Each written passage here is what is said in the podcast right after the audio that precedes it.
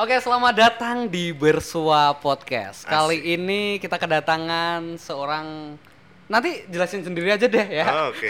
Aku suka banget sama intronya. Jadi eh, ini Bang Randi Rahman Ya. eh, dan di JYN jadi ketuanya ya. Ya bisa dibilang Bisa begitu. dibilang Ya, bisa gitu. dibilang jadi begitu. JYN itu Jogja YouTuber Network. Jadi Yap. kumpulannya YouTuber-YouTuber Jogja. Yoi. Nah, Seperti ya, itu. aku nggak ngenalin lebih dalam biar dia mengenalkan sendiri seperti intro di video YouTube Anda. Silakan. Oke, seperti di intro aja kali ya. Iya, iya. Tapi sebelumnya eh, sebelumnya perkenalan dulu aku Randi Rahman, eh, seorang founder, salah satu founder di JN juga Ah. dan juga seorang filmmaker newbie. Apa lagi ya lupa. Enggak. oh ya. Bagi kalian yang baru, ah, Oh, iya. iya, iya. Bagi kalian yang baru datang ke channel ini, perkenalkan aku Randi Rahman, seorang content Bah! Emang misalnya kalau tag selalu kayak gitu? Oh gitu. Iya, ngulang-ngulang ya, pemanasan 50 biasa. kali biasanya. Oh gitu, ya. Masih ada 2 3 jam kan? Oh, tiga jam di sini, ha. Oke, bagi kalian yang baru datang ke channel ini, perkenalkan aku Randi Rahman, seorang content creators, filmmaker wannabe dan juga menyukai segala yang berbau teknologi dan minimalis. Oke. Gitu.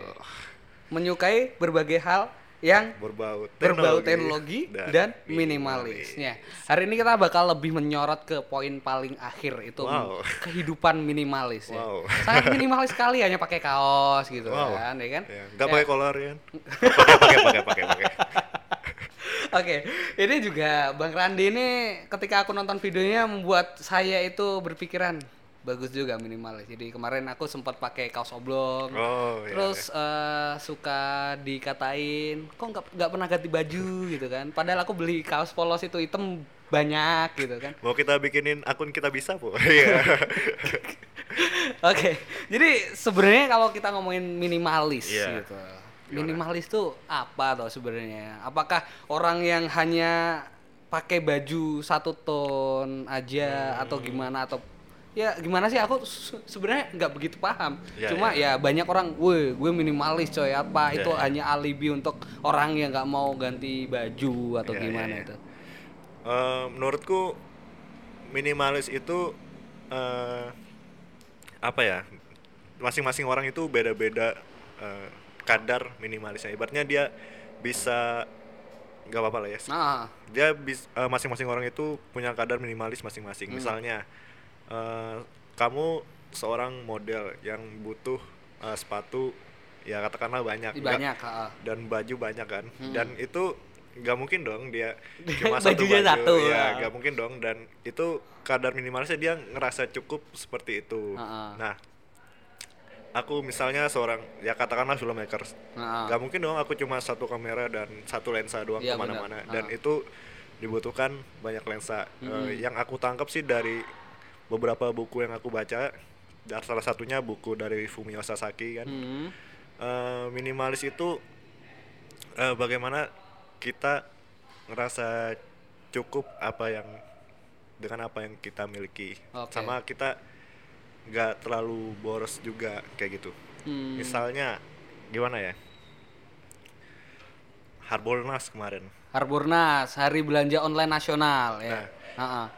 Mungkin kalau di eh, dari sisi kapitalis eh, sem- ya semakin Ah. banyak belanja kan ibaratnya semakin menguntungkan Ah, eh, si orang itu, yang ah. yang menjualkan ya Ah, ibaratnya ah. ya perputaran Iya, ekonomi lah ah. ya kan kalau di minimalis ya enggak seperti itu Mm. Eh, ibaratnya kita kalau sebelum beli apa-apa sebisa mungkin kita mikir dulu apakah itu dipakai Berguna, nanti gitu. apakah itu berguna suatu saat nanti dan ini emang benar-benar kita butuhkan nggak kayak gitu Oke. jadi eh, kembali ke Fumio Sasaki sebelumnya dia itu seorang maksimalis Maksimalis? iya saya dikatakan Gimana tuh maksudnya? maksimalis tuh ya ya semuanya Oh, di- dibeli ya, ya. gitu. Ya, Ya, ya, kebalikannya ha, minimalis, kebalikannya kebalikannya minimalis, ya. minimalis, ya kayak gitu. Ya. Jadi dia punya rak buku, Ha-ha. punya PS, punya semua punya kamera-kamera analog. ha-ha. Ya dia eh, pengen dikatain sebagai geek kamera analog. Jadi dia beli semua kamera analog yang Mm-mm. pada akhirnya nggak dipakai sama sekali sama dia dan berdebu dan kamarnya itu kotor banget. Itu Malah ada- akhirnya nggak berguna gitu. Iya. Ha-ha. Dan buku-bukunya yang sama sekali gak dia baca, jadi dia ke Mhm. toko buku ngelihat wah buku ini bagus, beli. Jadi niat awalnya itu pengen supaya dilihat orang wah ini suka baca buku Oh gitu. padahal padahal dia nggak nggak baca buku jadi ibaratnya dia tuh. Beli itu cuma pengen ngimpress orang Show lain off aja. ya pengen ngimpress orang lain Mhm. tapi nggak benar-benar dipakai sama dia Oh gitu.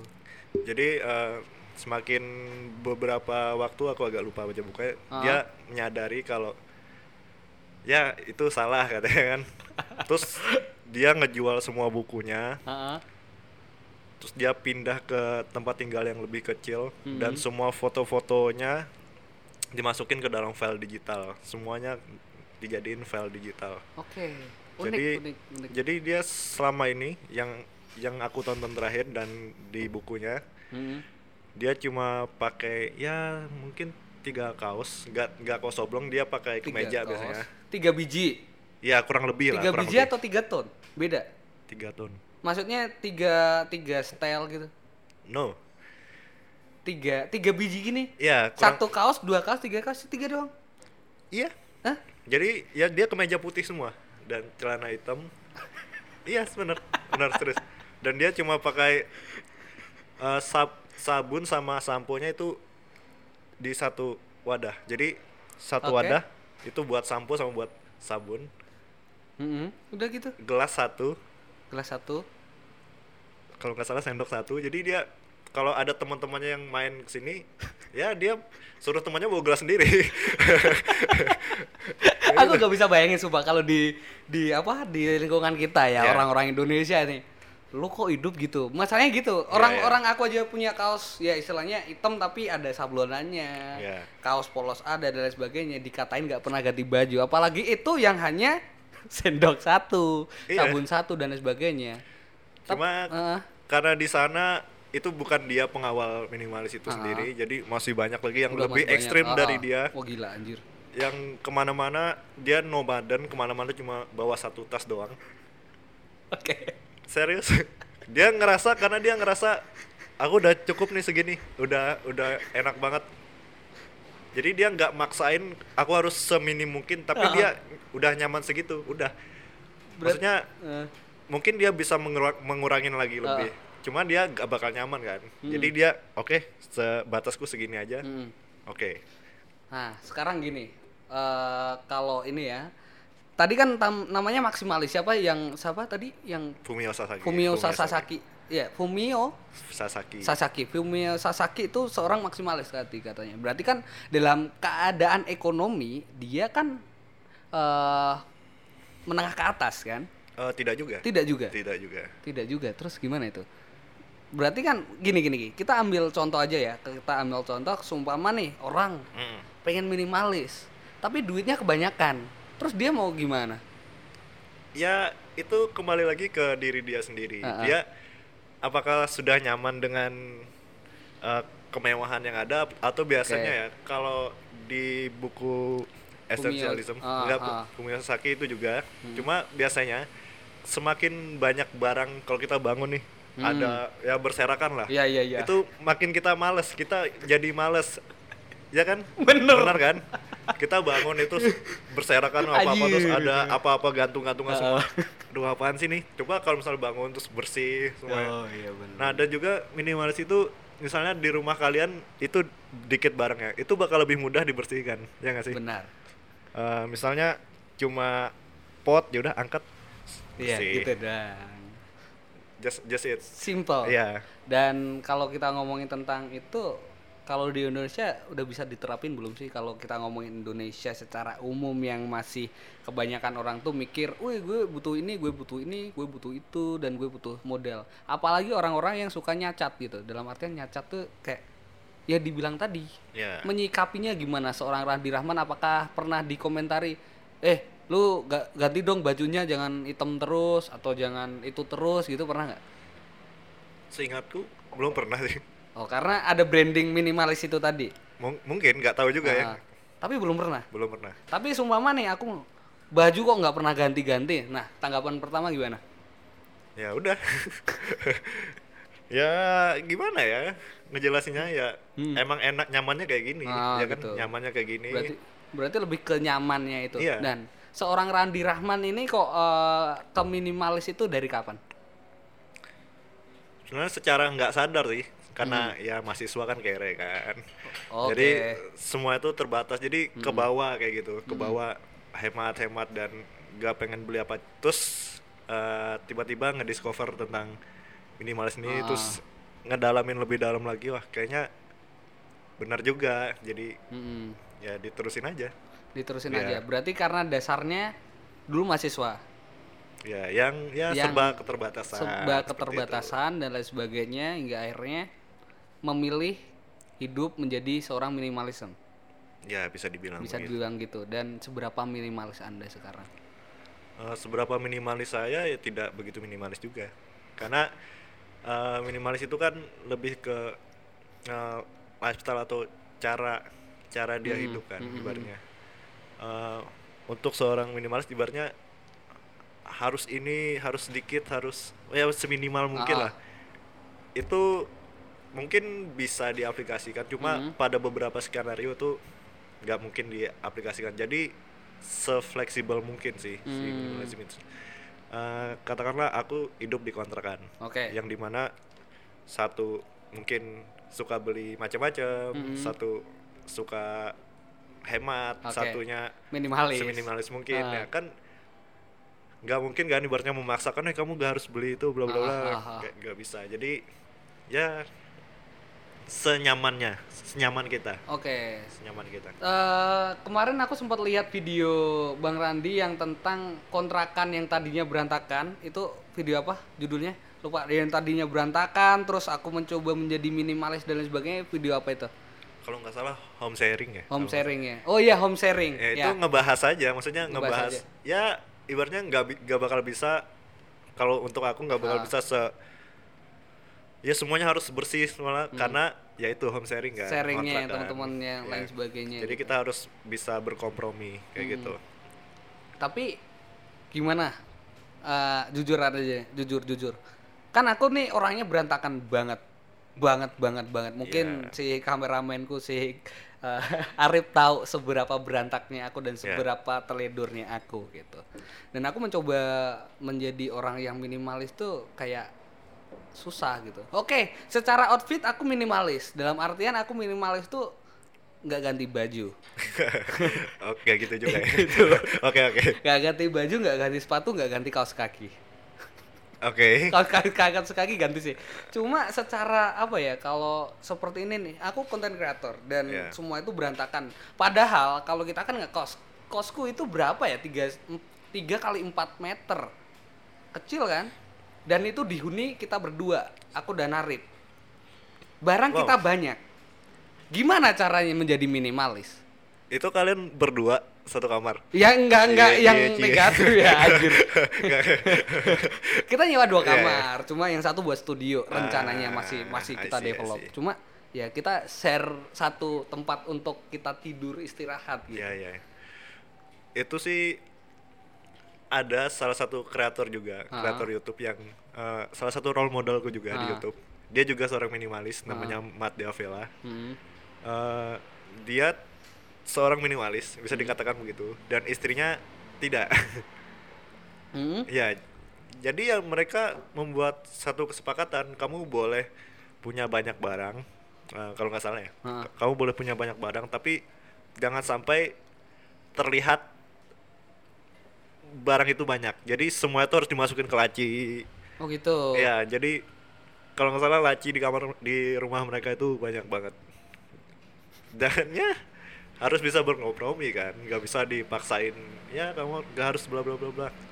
Cuma biasanya ya, Ah, kalau eh, katakanlah aku misalnya mulai coba bersih dan Mm-mm. mencoba ini, Mm. ya kan secara nggak langsung kalau itu bagus mungkin aja nge-influence orang, orang sekitar tersebut, kita. Ah. secara nggak langsung. Tapi gimana ya? Ada tips nggak? Mungkin awalnya Bang Randi ini bukan seorang yang ceroboh. Dan aku ini adalah seorang yang sangat ceroboh. Ya, ya. Lihat HP ku mana HP ku? Anda harus melihat HP saya. Seperti ini. Wow. Wow. Wow. Wow. HP kita sama BTW ya. Iya. Tapi ini. Ya, Wallpapernya bagus ya. wall- wallpapernya bagus. Ini sa- sam- sangat realistik Iya. gitu kan. dan ya gimana aku ada teman satu lagi namanya Amar dia nggak tahu minimalis atau enggak cuma Iya. dikit-dikit dibersihin paham nggak kayak eh bentar dong ada debu dibersihin menurutku sih bagus cuma kalau aku sering digituin juga aduh apa aku sekotor itu gitu kan aku pikir Maksudnya ngebersihin apa? Ngebersihin badanmu? enggak lah anjir mandiin kayak kayak gitu. ntar ntar disapu dulu gitu iya tujuannya bagus tapi kayak aku merasa anjir gue ke sini kotor apa gimana ya gitu Ah, itu kayaknya ada di sebuah psikologi gitu nggak sih ibaratnya apa-apa harus sempurna kayak gitu. Ah, ada ah, kan ah, lupa aku yang Iya. ibaratnya kalau dia nyuci apa harus Sempurna, warna harus iya. warnanya harus nama ya mungkin itu emang bawaan awal dia maksudnya emang jadi kebiasaan Ah, aja. ah. dan itu bertolak belakang dengan saya. Nah salah salah satu tips selain berkompromi dengan tadi kan home sharing ya. Ya ada nggak yang tipikal brutal kayak aku gitu? Nggak. tipikal brutal kayak maksudnya tipe brutal ya gitu-gitu. Kayak aku nggak apa sih namanya tadi? Anjir gue lupa. Apa apa sih? Bukan bukan bukan. Apa tuh?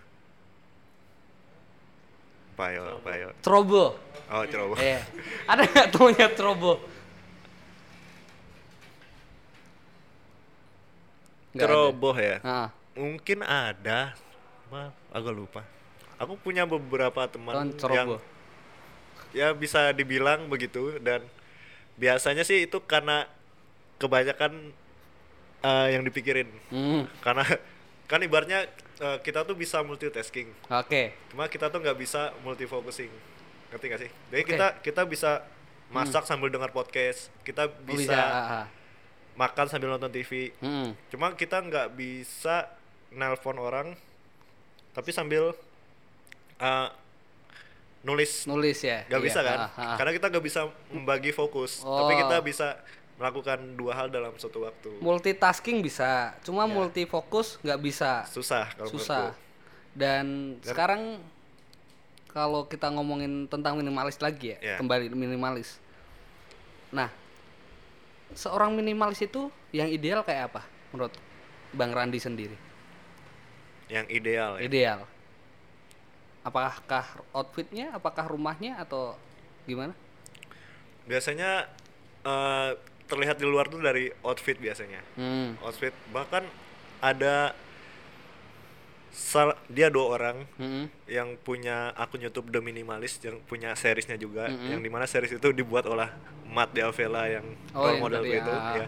dia ada di, di Netflix Hmm. itu bahkan mereka nggak pakai sepatu jadi ke mana-mana cekeran Hah?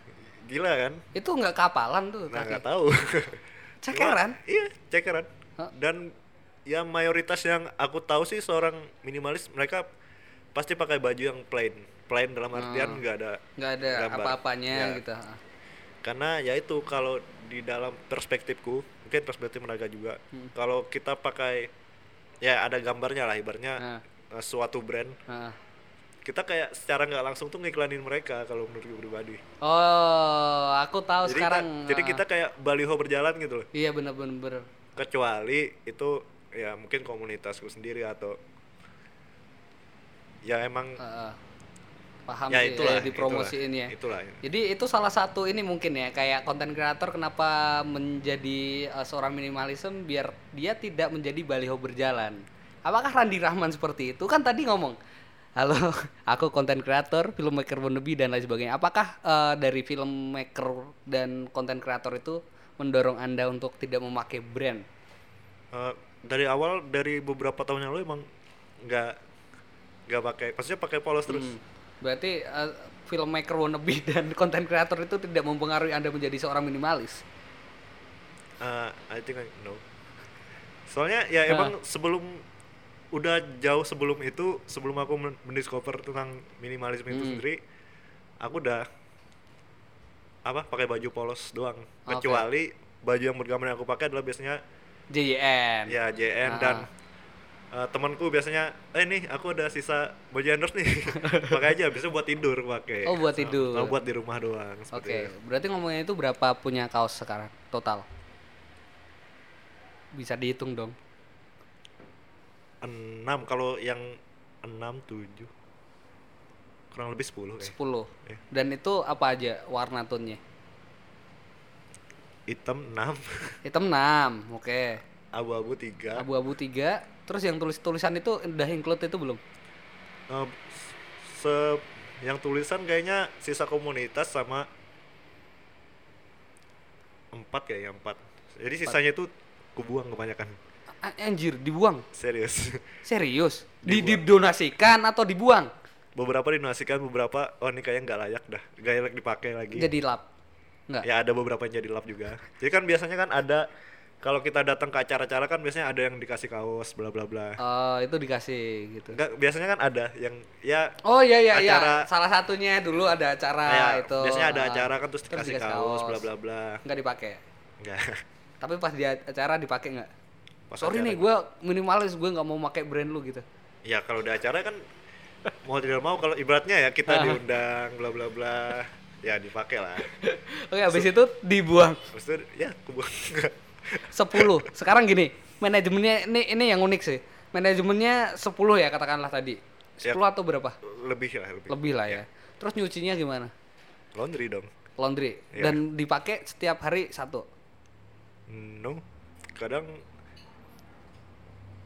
satu dua kali kadang kalau kalau misalnya nggak keringetan banget Eh, satu kaos buat dua kali, dua Ya. hari ya gitu. biasanya ya biasanya kalau keluar rumah itu pakai baju ini Hmm. kalau yang satu kalau yang di dalam pakai baju kayak gini cuma yang biasanya buat di dalam rumah yang udah lama Ah. agak bukan seperti itu jadi awet Awet. heeh. Terus kalau celana berapa pasang? Beranda. celana kayaknya bentar aku ingat ya udah aku buang aku buang. Anjir, dibuang. kalau celana panjang satu nih sisa satu ini serius Coba Jo, berdiri, berdiri, berdiri. Satu. Iya. Itu doang. kalau celana panjang ya Celana panjang, heeh. Yang eh pendek. dua dua sama celana training kalau celana pendek itu kebanyakan boxer sama celana buat lari sih Hah? Serius? Serius. Sekarang sekarang gini deh. Apa nggak keringetan? Sorry ya. Iya. Apa nggak keringetan tuh dan nggak nggak kotor? Walaupun hitam kan pasti kotor tuh. Iya, kan- Satu doang. kan bisa di laundry sehari sekali Hah? maksudnya sehari jadi itu lah Itu lebih boros nggak sih jadinya jatuhnya kayak lu laundry lagi, Ya. lu nyuci lagi, lu spend duit lagi. Apakah minimalis ini malah mendorong anda menjadi seorang yang spend duit banyak untuk laundry laundry gitu loh? Eh, aku pikir enggak ibaratnya kan kita ya Ah, eh, kita lebih pilih ngebuang waktu apa ngebuang uang hmm, ngebuang uang. untuk waktu yang bisa kita spend lebih banyak kan ibaratnya nah untuk biasanya kalau celana ini Heeh. aku pakai biasanya seminggu atau lima hari Terus aku serius Satu celana buat seminggu. Iya, cuma kan nggak selamanya aku pakai kan, dan aku jarang keluar juga. Oke, kebanyakan berarti ini pakai dipakai keluar doang Iya, gitu pas ya. keluar rumah. Menarik ya. Seperti itu. Satu aja. Iya. Yang tonnya cuma hitam doang. iya. Dulu ada jeans semua udah terbuang juga. Itu se ekstrim itu. Besok ya kalau karena emang udah nggak layak pakai, Oke. jadi dibuang. berarti aku sering lihat ini yang Aduh, di, aduh. yang di Instagram suka ada yang minimalis terus dilipat-lipat bisa lebih ringkas gitu. Nah harapan nih Ah. kayak si Randi Rahman nih besok kalau punya rumah kayak apa? Ukuran berapa? Dua kali satu? Dua kali satu kuburan pak. itu kamar mandi mandi mandi dalam. Kamar mandi dalam. Nggak kalau itu kan kamar mandi dalam. Ah. Semuanya dalam dalam tanah. dua kali satu berarti besok Kalau- pengen punya rumah berapa kali berapa berapa kali berapanya nggak Nggak tahu. ada bayangannya. Cuma berapa ruangan mungkin lima, nggak tahu. mungkin lima Iya. Hmm. Karena kan mungkin pasti udah punya anak segala macam. Iya. Nggak mungkin semuanya satu kamar kan. oh iya bener sih kalau gini lima ya Iya. terus kalau sumpama besok punya anak dan lain sebagainya dan kebetulan nih Ya. selain contoh kasusnya yang tadi ya Iya. kalau kebetulan tidak ketemu dengan istri yang sangat minimalis dan istrinya itu spend banyak eh shopping shopping shopping bawa ba- banyak barang Ya. selain menerapkan cara itu dan anaknya besok papa beli ini papa masa Eh, kamu harus minimalis gitu. Apakah itu ditanamkan atau malah ya udah biarin aja itu hak mereka gitu kan? Kan kita nggak Ya. boleh melarang hak orang Ya. lain kan? Nah kalau kalau misalnya istri kan, kita kan pasti kalau eh, katakanlah pacaran, Oke. kan ibaratnya kita nggak taruh lah ya. Ah, pacaran kan kita bisa saling mengenal dulu, Ah. ya saling kenal dulu. Eh, dia ibaratnya kekurangan dia bisa kita terima nggak? hmm. Apakah bisa dikomunikasin lagi? Ya mungkin seperti itu dalam bayanganku, karena kan belum punya istri nih. Tapi sekarang udah punya pacar? Belum dong. Belum. Ya. Berarti besok kalau punya pacar harus tahu aku sebagai seorang minimalis dan lu harus ngikut. Apakah itu su- sesuatu yang egois? Aku nggak maksa dia untuk ikut. Tapi kalau akhirnya oke nih kita udah tahu plus minusnya Ya. dan pada akhirnya dia nggak mau ngikutin gaya hidup minimalis dan akhirnya dalam artian dia ya sobi shopping beli banyak barang hal bonus semua dibeli apa yang akan Randi Rahman lakukan ini buat teman-teman yang Ya. mau deketin Bang Randi Waduh.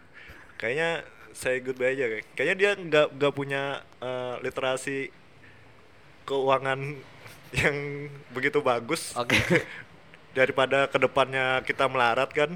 tapi dia udah ini udah financial planningnya udah oke Ah. terus dia kebebasan finansial masa depan udah oke Ah. gitu tapi dia wah buat apa duit gua kalau nggak gua belanjain gitu loh Oke, minum dulu ya. iya ASMR dong Yuk gimana? Ini itu tuh contoh kasusnya dia udah secara finansial udah good banget Ya. buat pensiun udah ada financial planningnya udah oke gitu loh. Nah gimana tuh? Ya kembali lagi ke sepakatan kan ibaratnya. Hmm. Kamu boleh boleh lah ibaratnya boleh beli barang banyak. Cuma sebisa mungkin kan cari jalan tengahnya. Ah, Jangan terlalu banyak atau kasih batas lah. pisah ranjang. Jangan juga. Jadi Soalnya kalau katakanlah kalau misalnya punya anak kan nggak nggak mungkin nih dalam uh, kalau di dalam pikiranku sekarang nggak mungkin eh kamu nggak boleh beli ini nggak boleh beli ini nggak boleh beli ini." Mm-mm. paling nggak ya mungkin dikasih tahu karena anak kan biasanya kalau Ah. ke tempat uh, mall apa pengen ini pengen ini pengen Ah, ini ah, kalau ah. nggak dibeliin nangis biasanya Oke. nah itu kan kita harus ya menyesuaikan kondisi kan Hmm. kayak gitu Berarti besok anaknya mau dididik jadi minimalis juga nggak? dia didik mungkin enggak tapi diberi contoh aja maksudnya diberi Hmm. pengertian dulu Kayak gini kayak gini Iya. minimalis biar dia yang menentukan Ya, sendiri. ya ibaratnya ya kita kasih pengertian aja uh, pakai yang emang kamu butuhkan bla bla bla atau enggak kalau dia pengen apa apa ya usaha dulu lah minimal Hmm.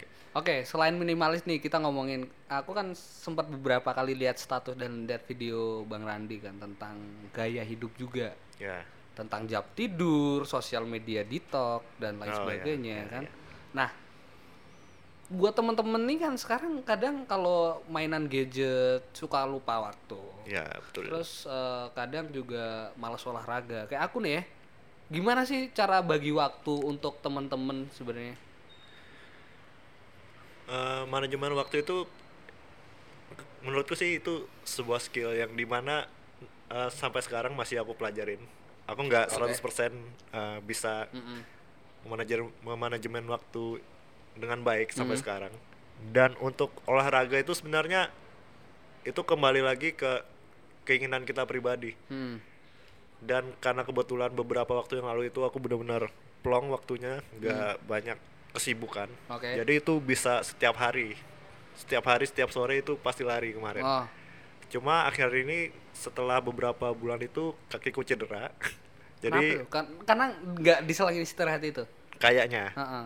bengkak kakiku dua-duanya Anjir. jadi off selama sebulan Oke. jogging terus setelah itu agak kendor Ototnya. enggak maksudnya Oh, jadwalnya ya Ah, terus ah, ah. tiba-tiba ada kesibukan bla bla bla jadi sekarang mencoba untuk olahraga tapi sesempatnya aja dan untuk sosial media tadi ya Nah, sosial media detox tadi katanya aku Ya. membatasi berapa jam gitu-gitu gimana sih maksudnya? ya eh, sebenarnya ya itu kembali lagi ke kebiasaanku yang sebelumnya buka sosial media wah buka scroll scroll Mm-mm. ya udah tiga jam wah udah lima jam Hmm. padahal pengen ngelakuin sesuatu yang produktif nih Mhm. tapi buka-buka lu sosial media dulu lah terus akhirnya kebablasan nah itulah aku pengen nyoba aja maksudnya uh, Google punya fitur namanya digital well-being Heeh. yang di mana itu berfungsi untuk uh, membatasi pemakaian kita Hmm. aplikasi-aplikasi apa pun itu dan kebetulan aplikasi yang gimana Oke. Berapa menit? Udah setengah jam. Oke. serius udah setengah jam Wah, anjir, enggak kerasa ya? Iya. Nggak overheat Overin enggak? Enggak kan? Mau play aja tadi tuh ini tadi overheat loh ini tadi. Serius? Iya, di play aja kalau selama nggak overheat. Oke. Oke. Sampai mana tadi? Sosial media ya? ya Nah, itu. saya ntar sampai mana ya Aku pancing ya. Nah, kalau nerapin sosial media di TikTok kayak tadi yang disampaikan itu gimana sih? Eh, Hmm. ya itu kan kembali lagi biasanya kebiasaan kita dalam menggunakan sosial media termasuk aku lah contohnya kan Hmm, hmm. aku kalau pakai sosial media tuh sebelumnya wah itu parah banget jadi Apa? buka sosial media scroll scroll scroll Hmm. tiba-tiba udah lima jam enam Hmm. jam yang di mana ke dulunya tuh kita sebelumnya oh pengen ngelakuin A pengen ngelakuin B Jadi tapi nggak bisa. rebahan dulu ah scroll dulu tiba-tiba Heeh. batal Ya itu yang menjadi ini sih teman-teman kayak apa ya? Hmm, sesuatu hal yang bikin nggak produktif itu salah satunya rebahan. Iya. Tapi gini kalau sosial media itu kan pasti di di ini kan ada aplikasinya kan namanya apa? Iya. Apa itu? Nah, kebetulan Google itu punya sebuah aplikasi Hmm. namanya Digital Wellbeing. Digital Wellbeing. Ya, Oke. di mana itu fitur bawaan di Android 9 atau 10 Ha-ha. kalau nggak salah. Ha. Itu terinstall langsung Hmm. dan itu fiturnya itu bisa membatasi pemakaian kita eh, yang tujuannya untuk menunjang produktivitas kita juga. Hmm, gitu. Apa ya quote di Digital Wellbeing itu ibaratnya teknologi itu sebenarnya bukan untuk mengalihkan perhatian kita, tapi untuk meningkatkan kualitas hidup kita. Oh gitu. Iya iya. Jadi uh, fungsi digital wellbeing itu untuk seperti itu. Oh iya, bukan cuma sebatas membatasi tapi ini ada tujuannya untuk produktivitas. Ya ibaratnya kan distraksi banget kan Ah, HP kita lagi mungkin ada notif. Dedeng. Nah, Nah, ah. scroll scroll scroll udah lima jam. udah lima gitu. jam nggak kerasa gitu. Nah itu sih yang coba pengen aku kurangin Hmm. pada saat itu pengen coba aku kurangin dan uh, Twitter Hmm. itu satu jam 20 menit Instagram satu jam dan YouTube satu jam Per hari. ya di smartphone ya. Oke. tapi biasanya kalau buka desktop aku buka ada YouTube juga. Iya. Oh, jadi gini kayak itu ya eh, mengurangi namanya slow respon. Jujur aku adalah orang yang sangat slow respon. Pada Sama. di kelasku ya di kelasku aku dicap orang paling slow respon di kelas. Mungkin teman-teman yang kenal aku juga so respon chat ya? Slow respon chat. Sama kalau gitu kita. Ya berarti orang-orang memandang kita itu gimana? Kita harus fast respon dan lain sebagainya. Iya, oke lah kalau sama klien iya dan lain sebagainya. Tapi kadang orang suka marah-marah sama orang yang eh kamu tuh nggak chat dan lain sebagainya nggak nggak boleh chat dengan cepat dan lain sebagainya. Padahal itu penting. Apalagi ditambah dengan sosial media detox tadi. Iya, kita iya. mau ngebales gimana coba? Eh, itu kayak kamu sama sama kayak aku yang di mana kalau chat itu slow respon banget. Heeh. kalau di aku ya Hmm. entah kenapa Hmm. kalau chat itu kayak ibaratnya wah iya kayak aduh chat lagi dan sedangkan chat di HP kita kan banyak nggak ya nggak Iya, cuma satu banget. atau Ah. dua orang kan Heeh. dan aku paling males itu udah ketimbun ya Nah. udah ketimbun tuh aku lihat udah malas banget nah Aku aku sampai bela-belain beli kayak smartwatch Iya. buat aku lihat notif. ya ya Notifnya masuk.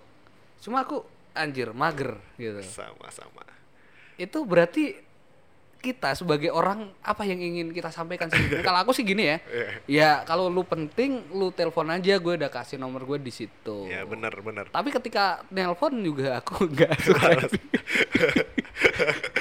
sebuah kontradiksi ya Harusnya gimana ya? Aku aku jujur aku lebih seneng buka email daripada buka line WA gitu-gitu. karena Serius. email biasanya dari brand ya orang yang lebih serius aja Iya. ya kata-kata orang yang lebih serius untuk ngechat kita Iya. gitu. Aku lebih suka kayak gitu sih.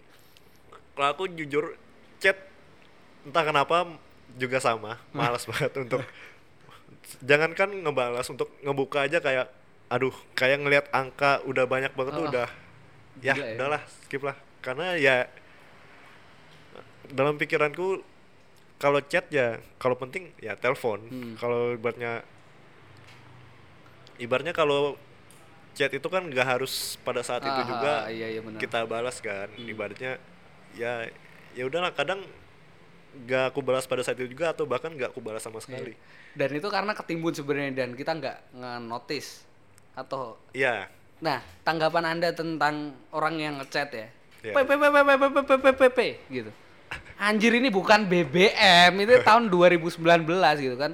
Chat p p p p p p p p sebel jadi tambah ikut sebel gitu loh iya. Waduh orang-orang tuh ngapain gitu loh. Nah yang yang pengen tak sampein ya jujur ya aku aku kalau aku alasan slow respon satu aku sur- suka nggak nggak lihat HP Iya. terus aku suka ngedit. Iya. ngedit kadang lupa waktu dan lain sebagainya. Iya. oke itu udah slow respon dan kalau ngelihat HP untuk kembali fokus ngedit susah kan? Susah banget. Nah itu. Itu mood ngedit tuh susah bakulnya loh. Iya, kalau distract kayak gini bener udah susah gitu. Bener apakah itu semua dialami konten kreator? Rata-rata konten kreator ketika aku Iya. ngechat balasnya lama apakah itu kutukan? Mungkin bisa jadi. Kebetulan ya aku termasuk orang yang malas buka chat juga. Hmm. Berarti slow respon itu bagus apa enggak? Mungkin ya mungkin ini menurutku pribadi Ah. itu bagus untuk uh, me- kita. mental health kita Ah. untuk uh, emosi kita juga itu bagus yang mana kalau kita ngebalasin semua chat ya ya masa Abis. habis kecuali kita punya uang banyak ya SEO manager lah Berarti manajer penting. ya Kita butuh manajer gitu. iya Ya. Siapa yang tertarik untuk menjadi manajer Bang Randi atau saya? Kita buka nanti Magang. gajinya magang per per 10 jam 10.000 ribu ya. ya ya Karena Nah, kita hubungin sini ya. Iya, penganut minimalis gitu. ya kayaknya emang manajer emang dibutuhkan sih Untuk ngebales chat ya.